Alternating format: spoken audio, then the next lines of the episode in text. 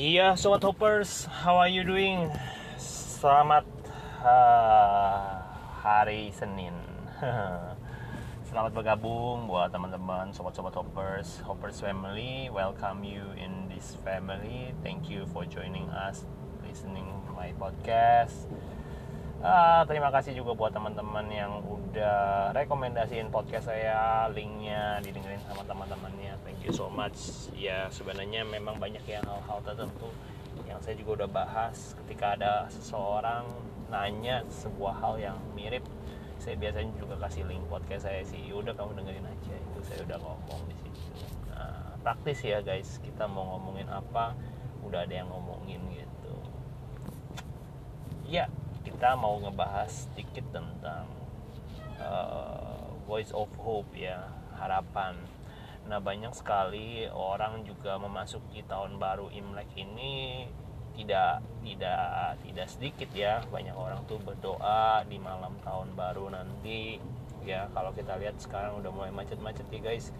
Uh, banyak sekali orang yang uh, juga uh, bersembayang di vihara ya uh, mostly orang ya orangnya orang Chinese gitu ya masuk ke tempat-tempat uh, seperti itu tempat-tempat wihara mereka berdoa mereka memohon petunjuk dari yang maha kuasa untuk sebuah hal yang mereka doakan. Tentunya mereka memiliki sebuah pengharapan ya guys untuk di tahun uh, yang baru ini seperti pengharapan yang lebih baik lah ini ya gitu kalau nggak salah Imlek 4717 ya guys kalau nggak salah Oke, okay, nah saya baru bicara tentang VOH ini, Voice of Hope ini artinya uh, kita bicara tentang pengharapan. Nah banyak sekali orang yang berdoa di luar sana mohon agar diberikan sebuah pengharapan yang terbaik ya untuk untuk tahun-tahun yang dia akan jalanin di tahun yang baru di tahun 4717 gitu.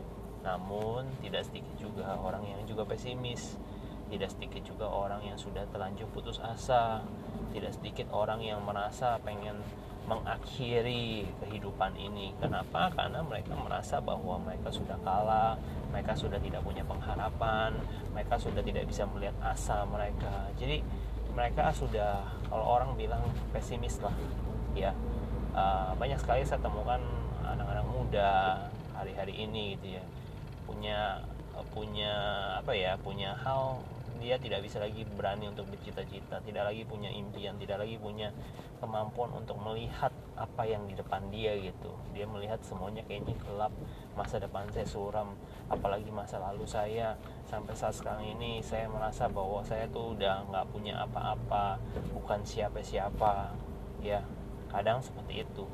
Nah, saya mau bagiin di sini buat teman-teman kita semua, sobat hoppers ya dan juga youters uh, banyak sekali anak-anak muda merasa seperti itu. Kehilangan asa kehilangan pengharapan ya karena apa? Karena uh, karena mereka melihat keadaan saat sekarang ini tidak sebanding dengan apa yang mereka harapkan.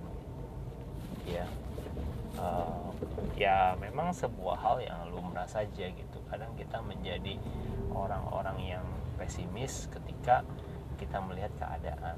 Namun saya mau ajak kita semua untuk sama-sama melihat bahwa ada ada banyak sekali tokoh di Alkitab yang saya mau ambil contohnya dan saya mau bagikan kepada kita semua.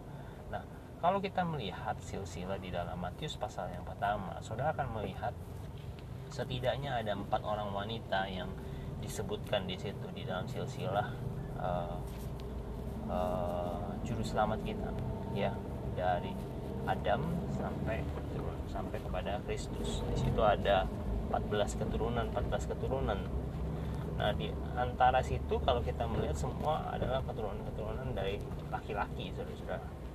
Ya, karena Israel itu sama eh, menganut sebuah sistem yang boleh dikatakan laki-laki itu berharga, laki-laki itu penting, laki-laki itu uh, yang membawa nama marga gitu ya nama keluarga family inheritance gitu. Jadi bagi mereka itu laki-laki itu lebih berharga nilainya daripada perempuan. Oleh karena itu makanya silsilah itu ditulis bukannya binti gitu ya. Jadi bin ya. Yesus anak Daud gitu ya. Jadi itu sebenarnya sebuah pengertian bahwa mereka benar-benar uh,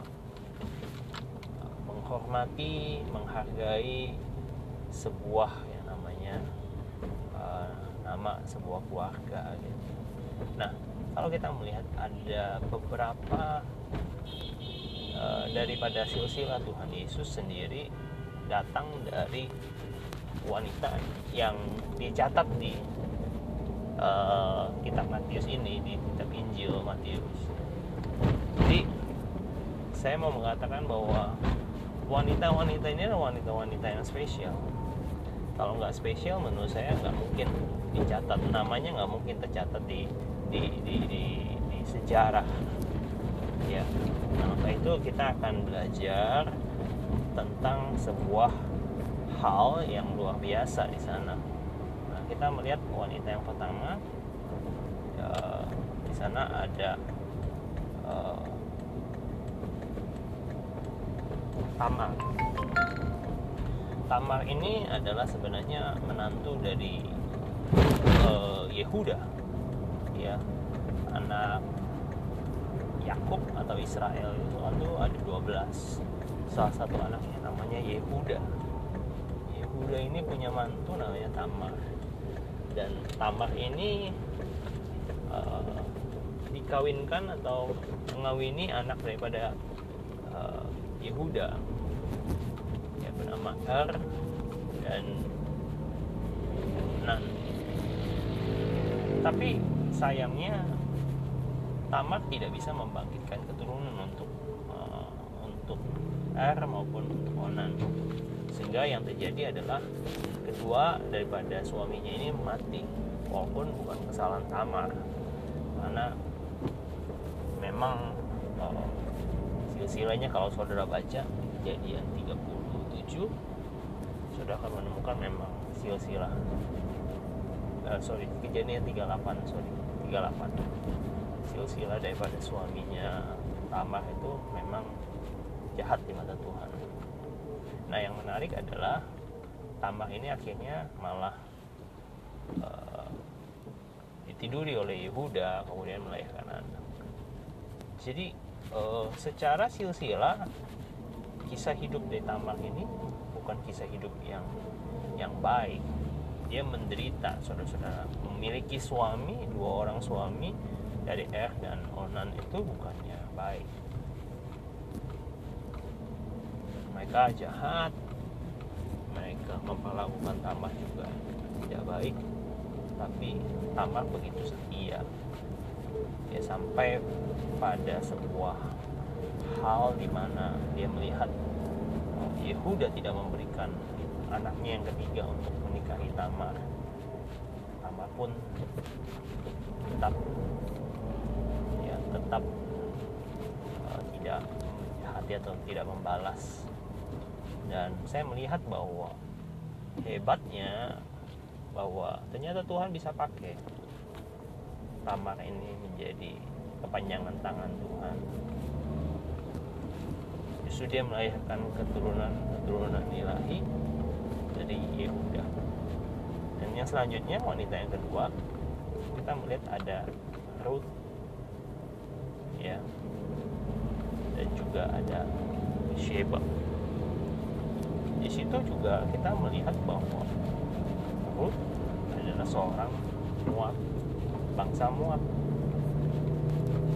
Bathsheba pun juga bukannya yang melahirkan Salomo itu juga bukan. Awalnya istri seorang prajurit yang bernama Uriah yang pada akhirnya dinikahi oleh Daud karena konspirasi Daud juga menewaskan Uriah di medan pertempuran sehingga istri Uriah pun diambil nah ini kita melihat bahwa uh, banyak sekali wanita-wanita yang yang yang terlihat juga uh, di dalam silsilah-silsilah uh, Tuhan Yesus Kristus bahwa mereka bukan dari orang yang sempurna. Bahkan mungkin saudara ketika saudara mendengar mungkin saudara ada yang aneh gitu ya. Aneh ya. Seriously aneh jadi um, banyak sekali tokoh-tokoh yang kita lihat ada Amar ada Ruth ya. Kemudian ada uh, Bathsheba.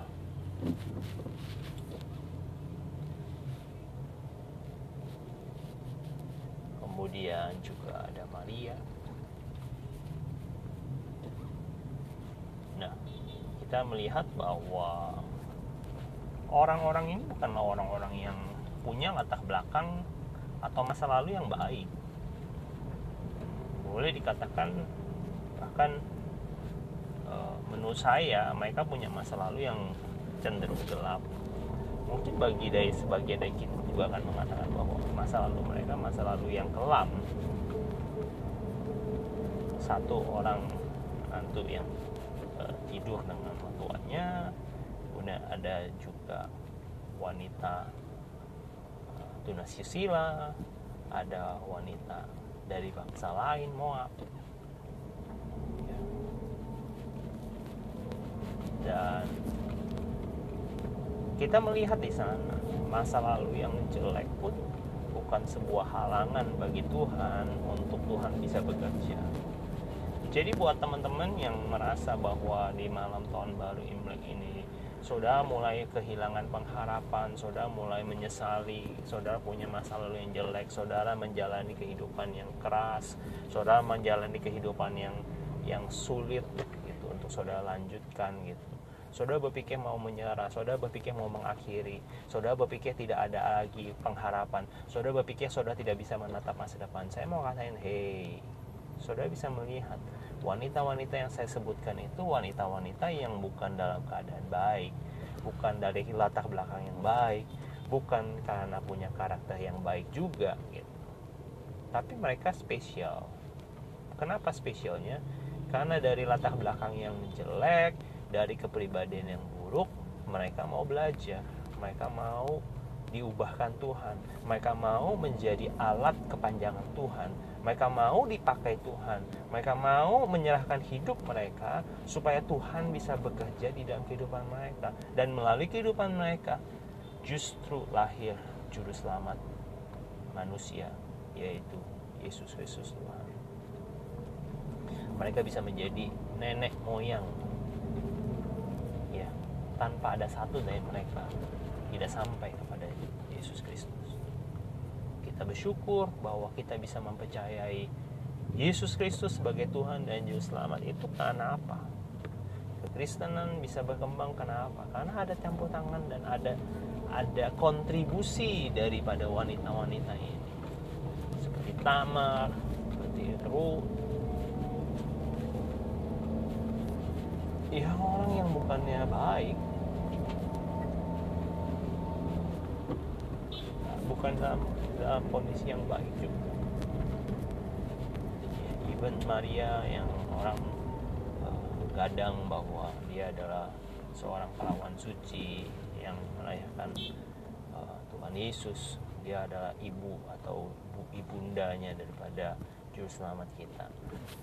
Ya pada saat itu orang akan mencemooh. Kenapa bisa hamil tapi belum menikah lihat saat sekarang ini. Saudara melihat bahwa dia adalah bunda yang kudus dia adalah perawan yang suci tapi dia dipakai. Tapi pada saat menjalaninya gimana? Itu kan penilaian orang sekarang. Orang menilai Maria itu bunda bunda Maria. Menyematkan kata Saint Mary bunda Maria. Ya. Bahkan dia spesial tercatat di dalam sejarah kita tapi who's Mary siapa itu Maria? Siapa itu Maria? Dulunya dikenal mungkin dia terkenal sebagai orang yang hamil di luar pernikahan. Ya siapa itu Ruth? Ruth ada bangsa Moab. Dia ada bangsa kafir. Dia seharusnya tidak boleh mengecap namanya. Anugerah Tuhan. Tapi Tuhan begitu luar biasa sebenarnya bangsa Moab tidak boleh sampai keturunan 10 pun untuk masuk ke bait suci tidak boleh. Tetapi sebuah perkataan Rut itu luar biasa. Di Rut 1 ayat 16 dia mengatakan bahwa dia akan melepaskan segalanya. Dia melepaskan kewarganegaraannya. Dia melepaskan kepercayaannya kepada dewa-dewa. Dia melepaskan dirinya dari dari uh, masa lalu dari orang tuanya dia memutuskan sejak hari itu dia mau setia dia mau merawat Naomi dia mau merawat mertuanya bukan orang tua kandungnya mertuanya. Dia mau mengikuti ke mana Naomi pergi. Dia mau menjadikan Tuhannya Naomi menjadi Tuhannya dia. Kepercayaannya atas hidupnya kedaulatan Tuhan yang terjadi atas kehidupannya itu itu yang menjadikan Tuhan tergerak untuk memberikan kasih karunia-Nya atas hidup Ruth ya kita melihat orang yang punya latar belakang yang buruk sekalipun bukanlah artinya mereka tidak punya kesempatan untuk menikmati kebaikan Tuhan mari saya ajak teman-teman semua untuk kita sama-sama merenungkan kebaikan Tuhan bukan ditentukan dari apa dan siapa engkau di masa lalu. Kebaikan dan kemurahan Tuhan berlaku atas hidupmu dan hidupku.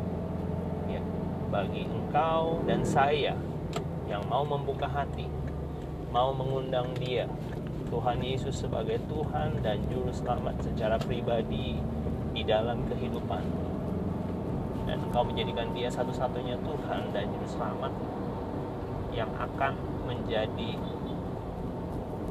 satu-satunya yang berdaulat di dalam kehidupan maka saya tak kau percaya tidak ada yang mustahil untuk dia bekerja menjadikan yang tidak mungkin bagimu itu mungkin bagi dia yang mustahil bagi manusia tidak mustahil bagi Tuhan dan kita semua yang percaya kepada dia tidak akan pernah dikecewakan. Justru kita akan melihat keajaiban-keajaiban Tuhan. Hidup kita penuh dengan keajaiban, keajaiban Tuhan. Haleluya. Dan saya juga berdoa buat teman-teman yang sudah mulai kehilangan pengharapan. Yuk kita lihat orang-orang seperti itu aja yang punya latar belakang, yang punya masa lalu, yang punya cap jelek, yang punya image kurang baik dari orang sekeliling mereka pada saat itu. Mereka pun bisa dipakai Tuhan. Bahkan namanya tercatat di dalam sejarah. Mereka adalah history-history maker dari orang yang biasa, dari orang yang punya latar belakang yang kurang baik. Tetapi saya mau mengatakan orang yang punya latar belakang buruk pun punya kesempatan untuk mendapatkan the best future ya, masa depan yang terbaik dari Tuhan Yesus semoga apa yang saya bagikan hari ini bisa membangkitkan semangat dan pengharapan kita memasuki tahun baru Imlek mari miliki pengharapan bahwa Tuhan berjalan di depan kita. Maka kita tahu kalau dia berjalan di depan dia yang akan menghalau semua musuh-musuhmu. Dia akan mengalahkan semua rintangan-rintangan dan percayalah engkau hanya perlu percaya dan berjalan bersama dengan dia. Kita akan melihat keajaiban-keajaiban yang Tuhan akan kerjakan di dalam kehidupan Tuhan Yesus memberkati kita semua. Keep positive and stay blessed. See you in the next episode guys. Bye bye